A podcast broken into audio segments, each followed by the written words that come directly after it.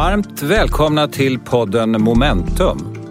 En podd byggd på boken med samma namn. Av mig, Kjell A Nordström. Och mig, Per Schlingman.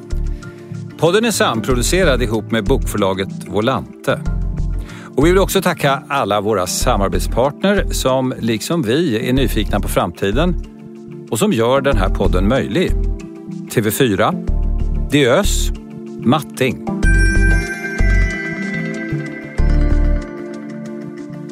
På tal om TV4 så var det så att eh, i förra podden så pratade vi om debunking, eh, nämligen att avliva myter och kunna se myter som finns. Och det var ju temat för en stor, stor konferens som TV4 hade som du var med och både pratade på och ledde, eller hur? Det stämmer. Där var jag en slags programledare, TV4 Growth Day och som egentligen syftar till att introducera användning av vetenskap i marknadsföring. Mm, men frågan är, avlivade ni några myter? Ja. Säg topp tre. Topp tre som vi avlivade var nummer ett, strategi handlar ofta om efterhandskonstruktioner. Det är inte vad man tänker före utan det är först när man har gjort något som man eh, sen ritar upp strategin och säger det här är vår strategi. Precis, så myten är att det finns en strategi man eh, kan tänka in och planera i förhand. Precis. Exakt. En annan myt som finns är ju naturligtvis att eh, jag är så etablerad eh, på marknaden, vårt varumärke är så känt så att jag, vi behöver nog faktiskt inte kommunicera något mer och göra så mycket reklam. Den känner man till. Trean? Den, den känner man till och det visar sig alltså vara totalt fel. Eh, den tredje som kanske var egentligen den viktigaste om man ser det från TV4s horisont är ju förstås titta på TV och att människor tittar mindre på TV. Och det gör de alltså inte. Men kanske lite annorlunda? Men de tittar på annorlunda TV. De tittar på playfunktioner av olika slag man tittar på skärmar, om man uttrycker det på det sättet istället, av olika slag. Men inte kanske tablålagd TV på samma sätt. Olika fönster? Ja, låt oss kalla det för... Kalla för. Ja, jag, jag satt ju i Filminstitutets styrelse. Då pratade vi om fönster, biofönster, olika typer av fönster och där vi förflyttar oss i fönster. Jag tycker mycket om det där uttrycket fönster och då är det en förflyttning från ett fönster kanske till ett annat. Det tablålagda fönstret är inte borta, det krymper. Men det totala tittandet i fönster ökar. Bra, vi kanske ska gå in på vårt segment mikro. Eh, ja. Det är ju eh, ett segment där vi har som ambition i alla fall att ta ut någon företeelse, någon händelse, ett kort ljudklipp eh, och låta det säga någonting om någonting som är lite större. Och den här gången tänkte jag gå tillbaka ända till den 18 januari 1928.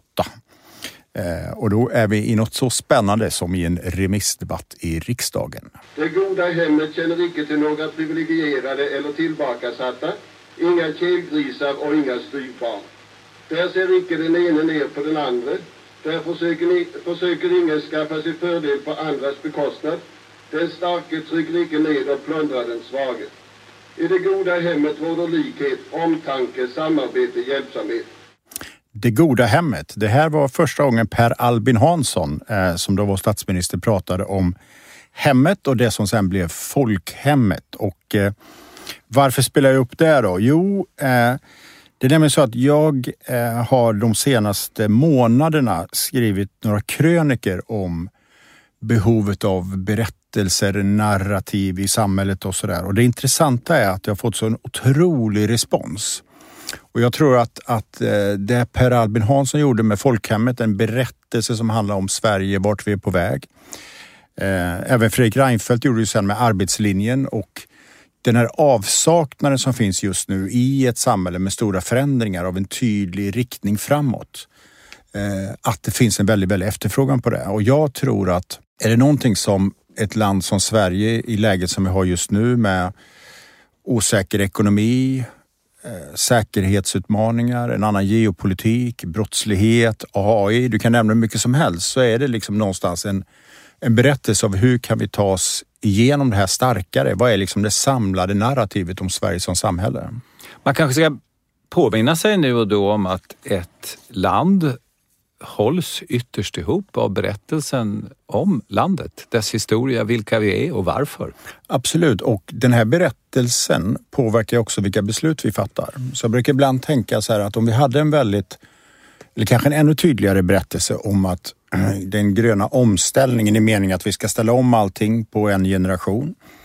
Att det kommer kunna skapa tillväxt och möjligheter för alla som bor här. Då kommer det också påverka hur vi fattar beslut hur talanger tänker, hur entreprenörer tänker, när de, vad de riktar blicken emot, vart kapitalet går, eh, var politiken lägger sina ansträngningar och så vidare. Så att det spelar ju också roll.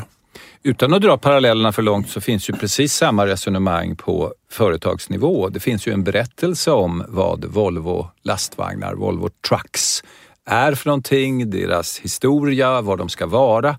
En stor berättelse som håller samman Volvo.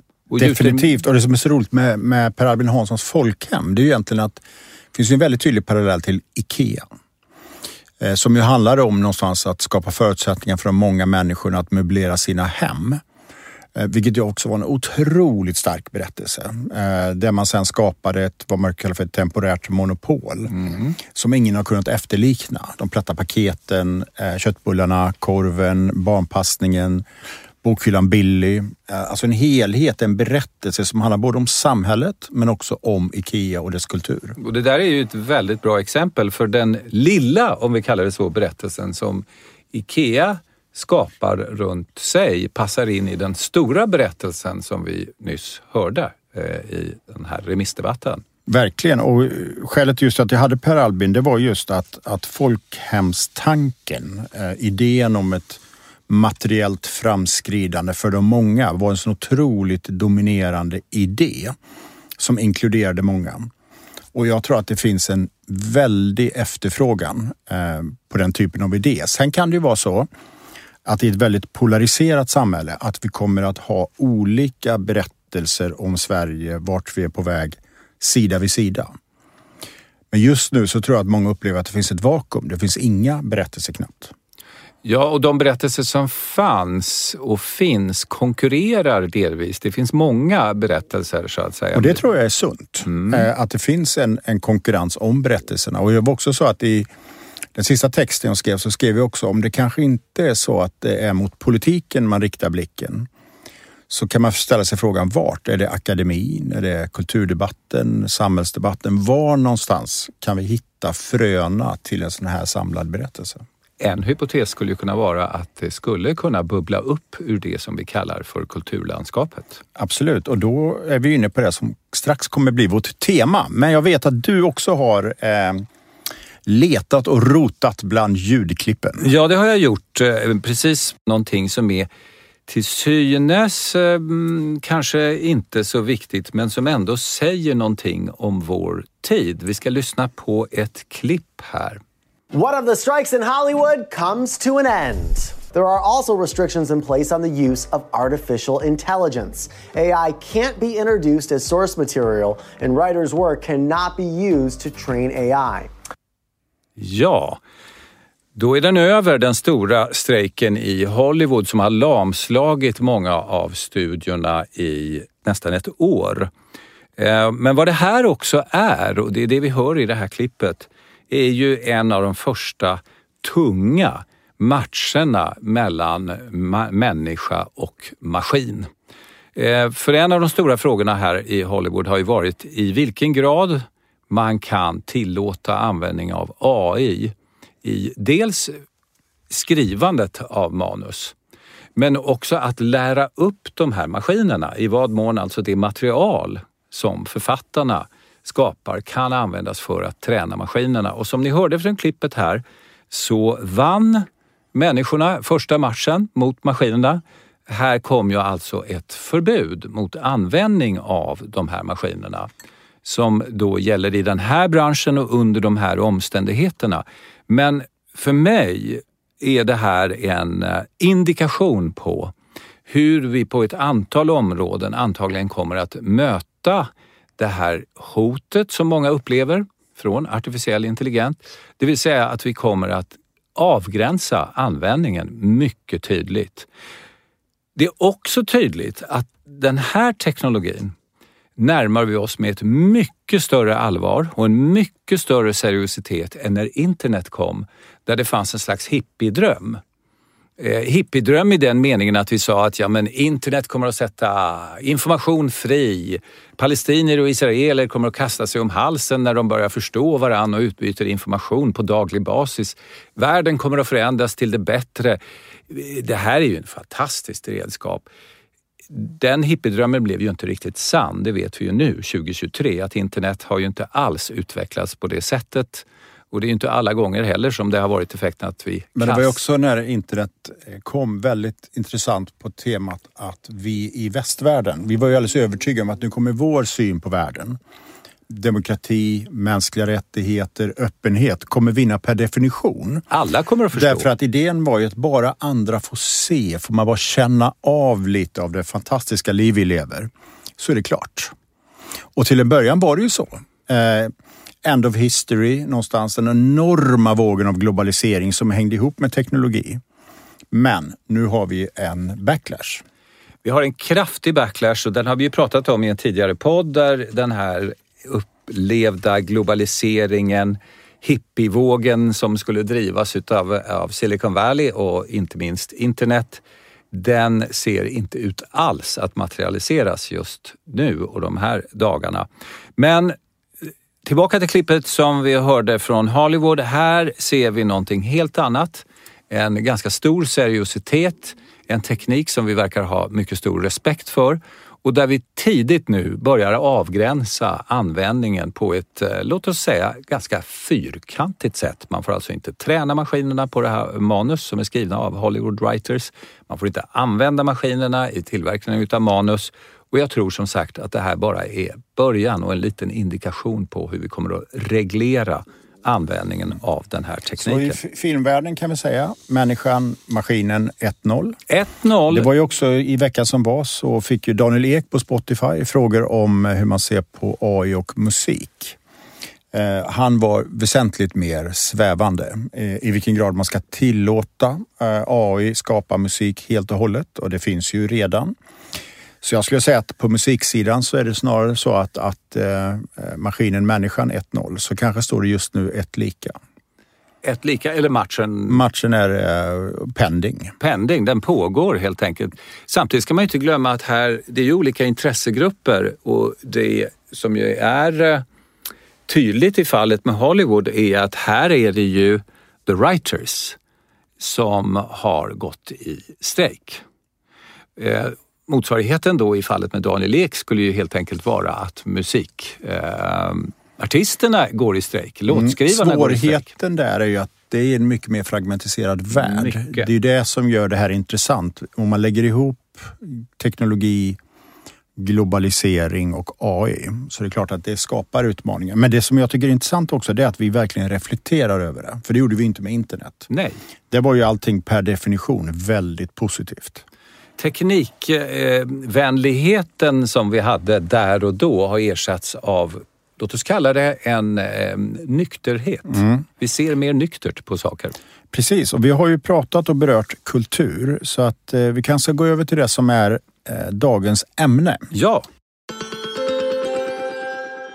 Väldigt glädjande nog kan man säga, så, och det har väl inte undgått någon, så har ju en diskussion om kulturens roll blossat upp och en diskussion om hur ska vi se på kultur i ett läge med försämrad konjunktur när skatteintäkterna minskar och så vidare. Ska, jag, ska kulturen fredas eller inte? Och eh, det börjar ju med Sofia Jarl som ju är eh, kommunstyrelsens ordförande i Norrköping eh, som egentligen initierade hela den här diskussionen.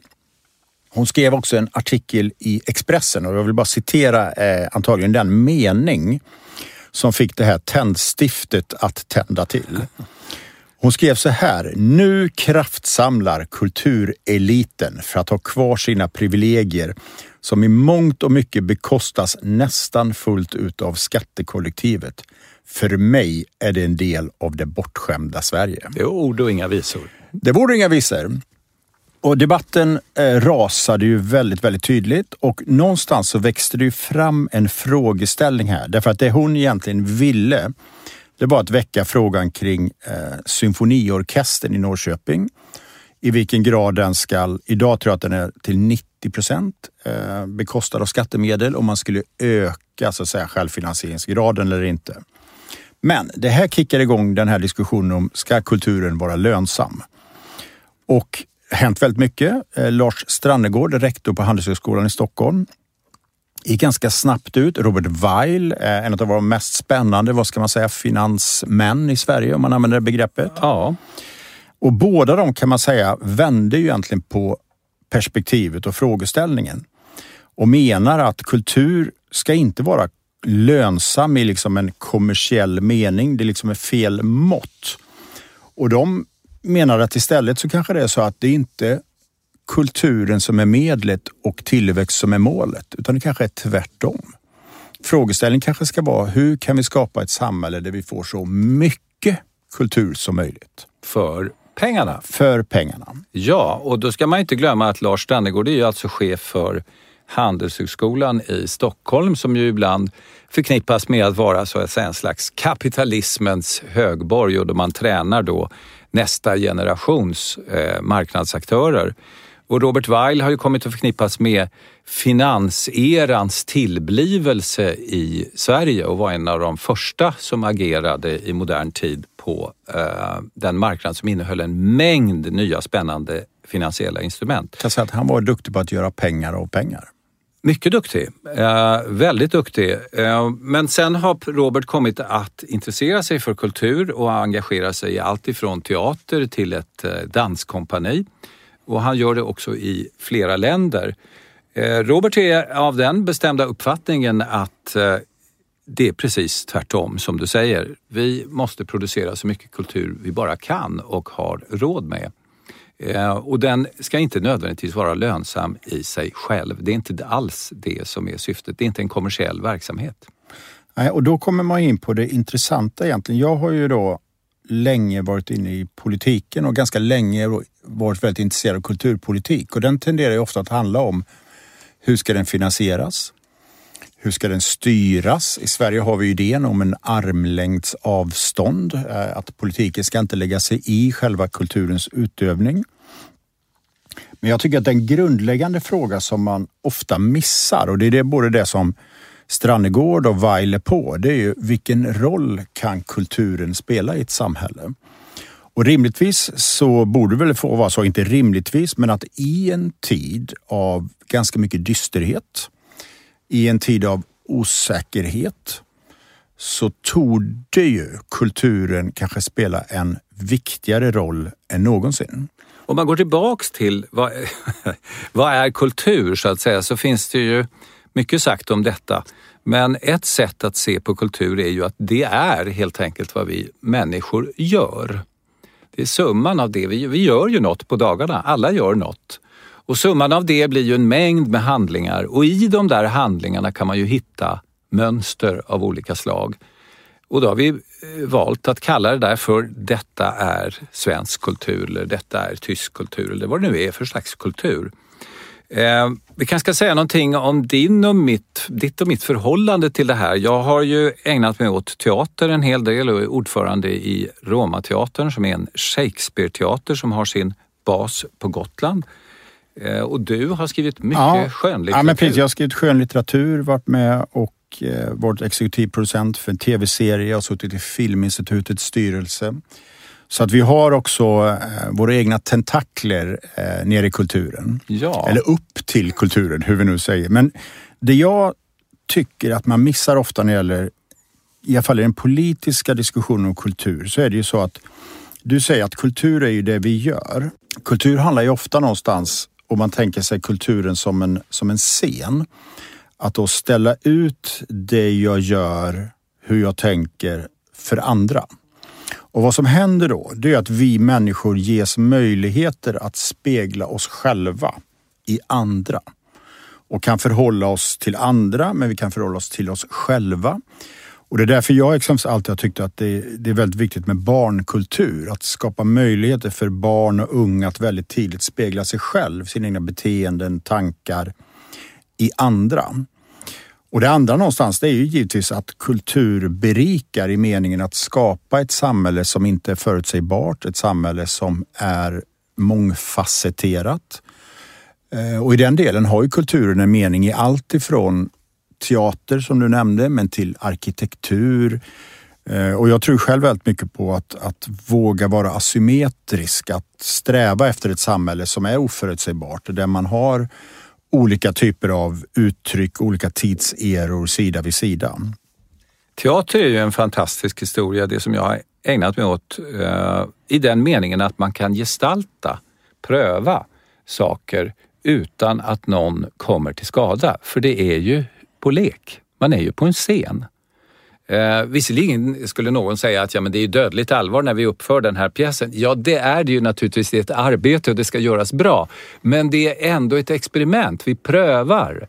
Vad händer om eh, jag i en konflikt säger så här? Hur reagerar motparten Absolut, då? det är dödligt allvar. Men det finns ju någonting väldigt befriande i att den som betraktar, den som är konsumerar eller ser på kulturen, gör ju det utifrån hur man själv vill göra det. Mm. Och jag kommer ihåg, jag var, någon gång jag var på en pjäs så fick jag en fråga efteråt. Det var så här, såg du bara pjäsen eller försökte du förstå den? tyckte jag var en intressant frågeställning. Mm. Försökte jag förstå den, då skulle man ikläda sig, och det gör man ju ibland såklart, eh, idén om att omedelbart tolka den. Medans Såg du bara så öppnar man upp sig snarare och låter den ta tag igen. Så, så, som ett konstverk? Så som ett konstverk. Och sen så ser man vilka reaktioner det eventuellt skapar i, i mina tankar eller i min kropp eller vad det kan vara. Ibland ser jag en pjäs eller en film två eller ibland till och med tre gånger och med helt olika perspektiv. En gång bara för att ta in, öppna sinnena på det där sättet som du beskrev. Nästa gång när jag har sett den en gång, då kan jag försöka förstå lite mera. Mm. Och ibland så kan man alltså se på den en fjärde gång och titta på det mycket mer finstämda, de här små detaljerna som likt vårt lilla mikrosegment säger någonting om någonting mycket, mycket större. I min undervisning på Handelshögskolan så använde jag interaktiv teater ibland när jag skulle träna eh, yrkesverksamma direktörer. Och interaktiv teater det fungerar helt enkelt så att man, kan, man tittar på en pjäs och sen får publiken stoppa pjäsen och säga det där, det där, det där är inte realistiskt. Det där, det, så där gör man inte när man ska avskeda en person. Ja, bra, kom upp och gör det själv då. Och så får den personen i publiken komma upp och spela mot skådisarna hur det är att avskeda kanske en av sina bästa vänner som man har jobbat med länge, 12-13 år och som man nu känner håller inte måtten, har missbruksproblem och allt vad det nu kan vara och det måste eh, komma igång ett behandlingsprogram, en omplacering och så får man prova.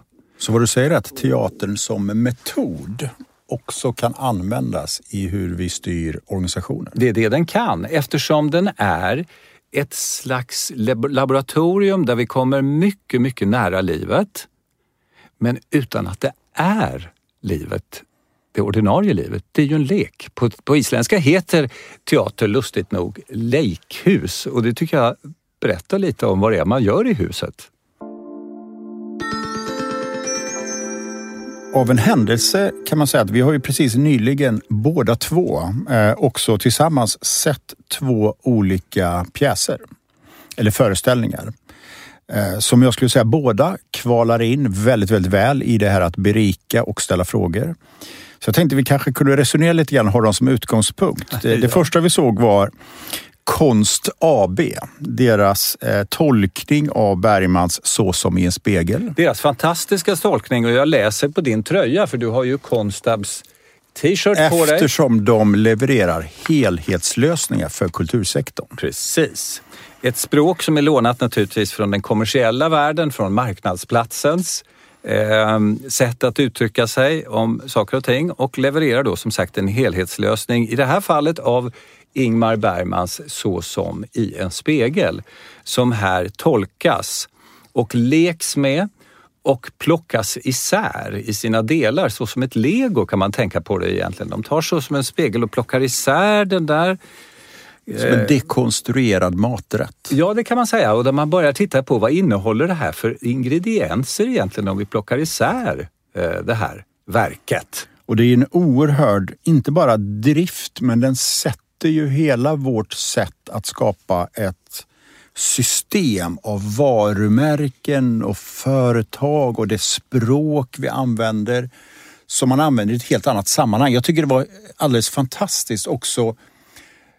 Det säger någonting om det man själv håller på med när man sitter och håller på. Jag håller ju på väldigt mycket med kommunikation och berättelser och varumärken och sådär. Att man, man ser det i ett helt annat perspektiv eh, när någon på det sätt de gör i den här pjäsen faktiskt vågar dekonstruera det på det sätt de gör. Ja, och visa också på de närmast surrealistiska likheter som finns mellan de berättelser som man försöker skapa i och kring en produkt i ett företag och hur sådana berättelser finns i och kring en familj eller en person. Likheter och skillnader, men ofta är likheterna mycket slående och blir många gånger ganska komiska. Det här är en, eh, det här är en eh, rolig eh, pjäs. Man får skratta. Det är väldigt, väldigt rolig. Otroligt, skulle jag säga, bra scennärvaro. Eh, och det är en väldigt modig pjäs tycker jag i meningen att man vågar ta någonting. Det är också så att de gör ju lite varumärkesintrång skulle man kunna tänka sig. Och, eh, men, men att de har som idé att, skulle jag säga, göra någonting helt eget. Det är väldigt originellt. Mycket originellt och det är också en stor komplimang till publiken. Det vill säga man förutsätter helt enkelt att publiken förstår och är med och kan associera och gör sin egen tolkning. För det tyckte jag att, att det var inte så att det på något sätt serverades en tolkning. Nej. Utan det är verkligen öppet för var och en och det tycker jag är nästan eh, det allra mest fantastiska med kultur när det är på det sättet. Påminner om en buffé. Det ställs fram mycket som man kan få förhålla sig till. Man behöver inte ta allt, men man tar en del på buffén. Och också säga en annan sak som var väldigt rolig. Den här, de hade ju en, uh, gäst, ett par gästföreställningar på Dramaten. Väldigt, väldigt ung publik. Mycket. Väldigt roligt. Här lyckas man hitta med en Bergman-tolkning en väldigt ung publik. Kan genomsnittsåldern ha varit 30? Ma max 30 max skulle jag 30. säga. Så att det här är då vårt första kulturtips i den här podden. Så som i en spegel. Konst AB. Eh, om det inte är möjligt att se på Dramaten så tror jag att den går att se på andra platser.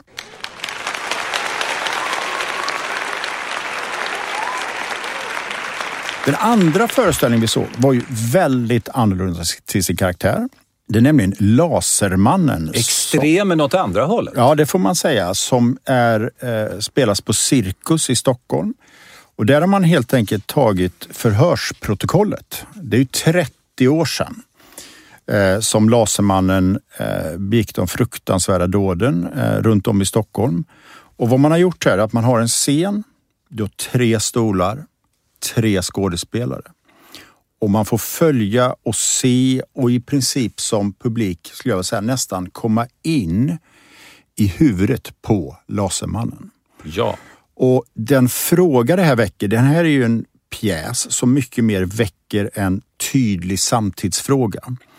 Därför att det man också gjorde i den här pjäsen, det var att man hade förhöret, de tre skådespelarna som spelade fantastiskt. Men man hade också spelade in exempelvis från Carl Bildt som var statsminister på den tiden som gav sin bild av hur samhället såg ut då. Och just de här påtagliga likheterna mellan hur det var för 30 år sedan, hur det är idag med gängkriminalitet, stigande räntor, oro i ekonomin. Så att den här väcker en helt annan typ av frågor, mycket mer direkt. Eh, men jag skulle säga, det är kulturtips nummer två. Och igen, om vi går tillbaka till det vi pratade om, Lakehus. Här kan man ju se hur man leker fram ett förhörsprotokoll och en persons karaktär på scenen utan att det är, det är ju inte på riktigt. Det är ju teater, men vi kommer väldigt nära för Joel Spira, eh, huvudrollsinnehavaren som spelar Lasermannen, gör en fantastisk insats så att ögonblicksvis och ganska långa tidevarv är man där i förhörsrummet.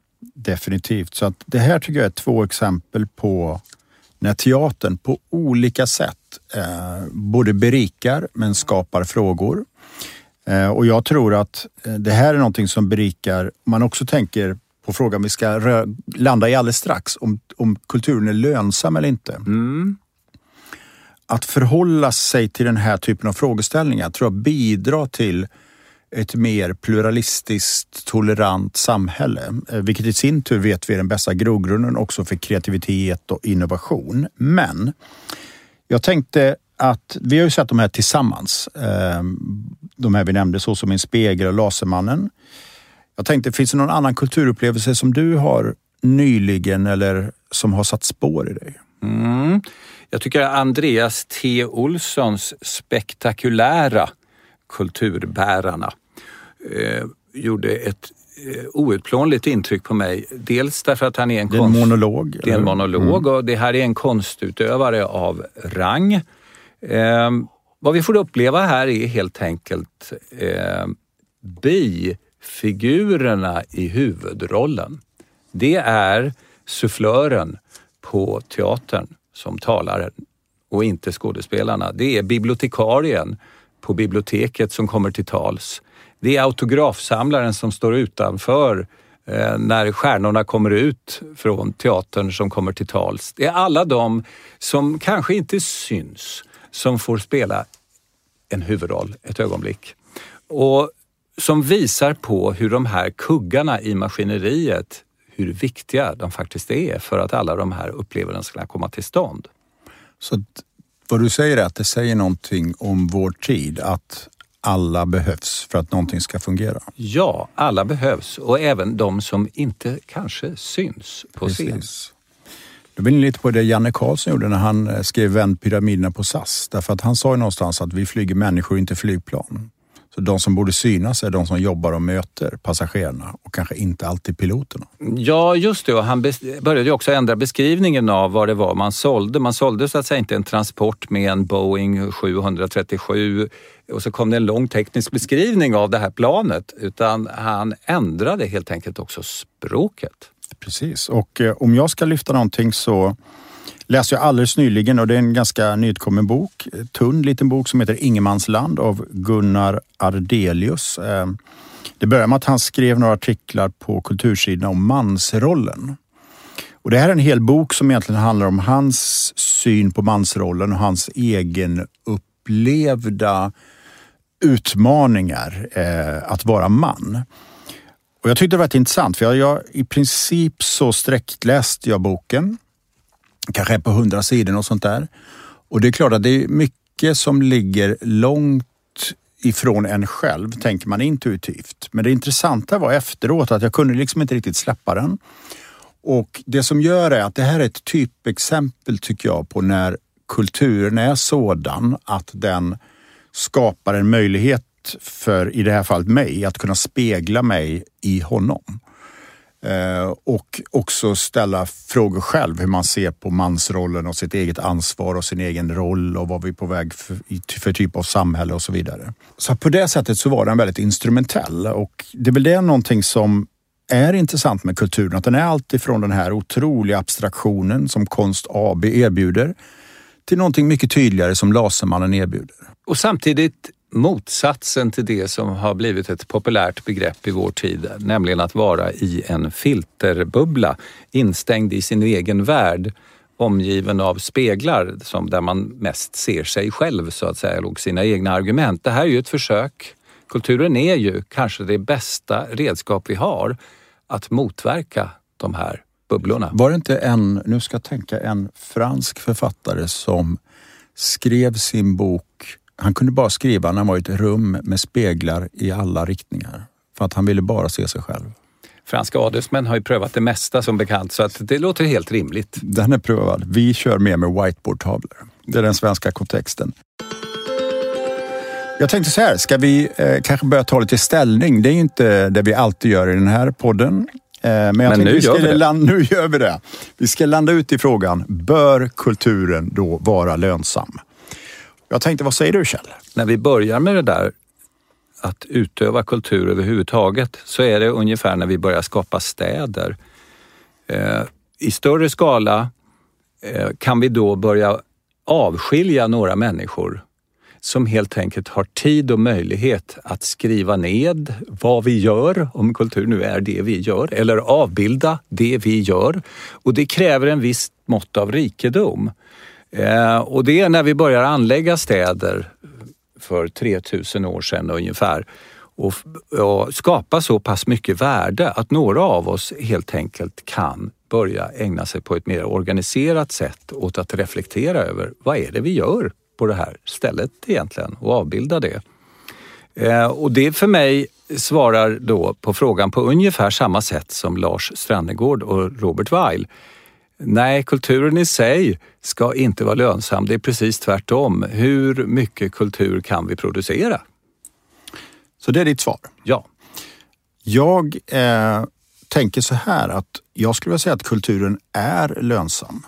Eh, och kulturen är lönsam därför att eh, ju mer kultur skulle jag vilja säga vi har i ett samhälle, det skapar mer mångfald, vilket i sig leder till mer kreativitet, vår förmåga att se saker och ting i olika sammanhang. Vi blir bättre på problemlösning. Jag är helt övertygad om att vi blir ett mer tolerant samhälle.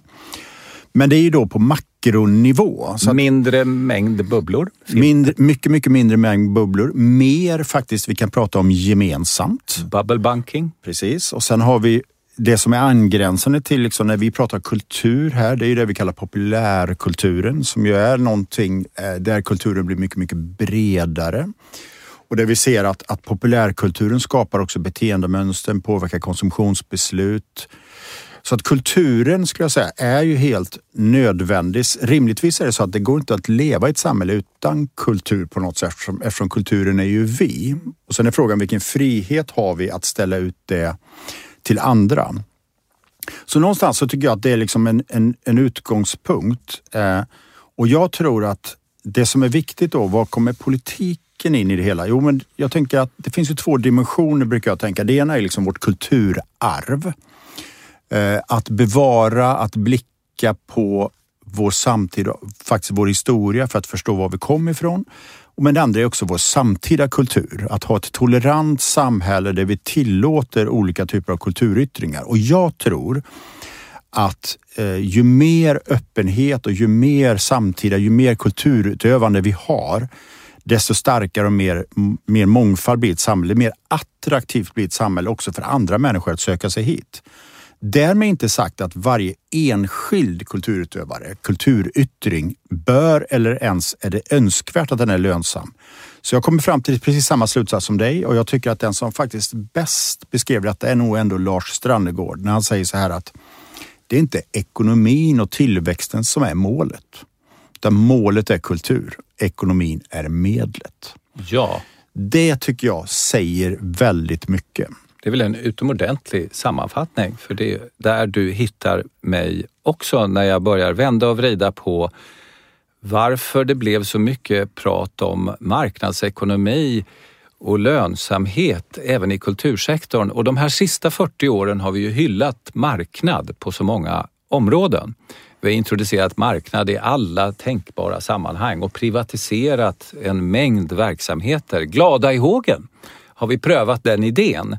Men jag skulle också säga att efter de här 40 åren är det nu ganska många som börjar säga att ja, men eh, den där idén är kraftfull och bra, men inte på alla områden. Och därmed inte sagt att kulturen nödvändigtvis alltid måste vara offentligt finansierad. Båda de exempel vi nämnde, Konst AB, jag har inte riktigt koll på deras finansiering, men Lasermannen definitivt. Det är någonting som är gjort helt utanför eh, det skattefinansierade.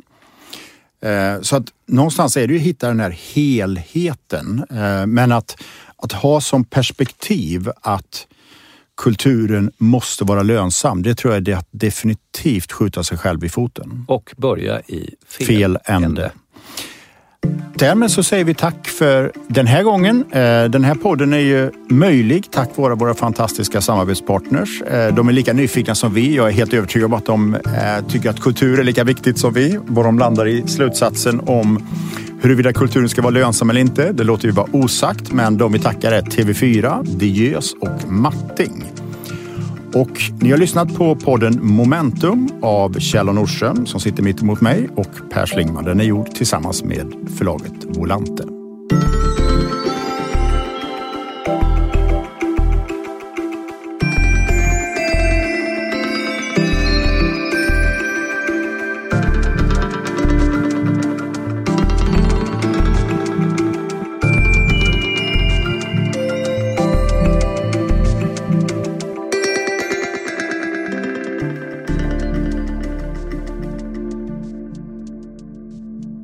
Här programmet görs på Beppo. Beppo.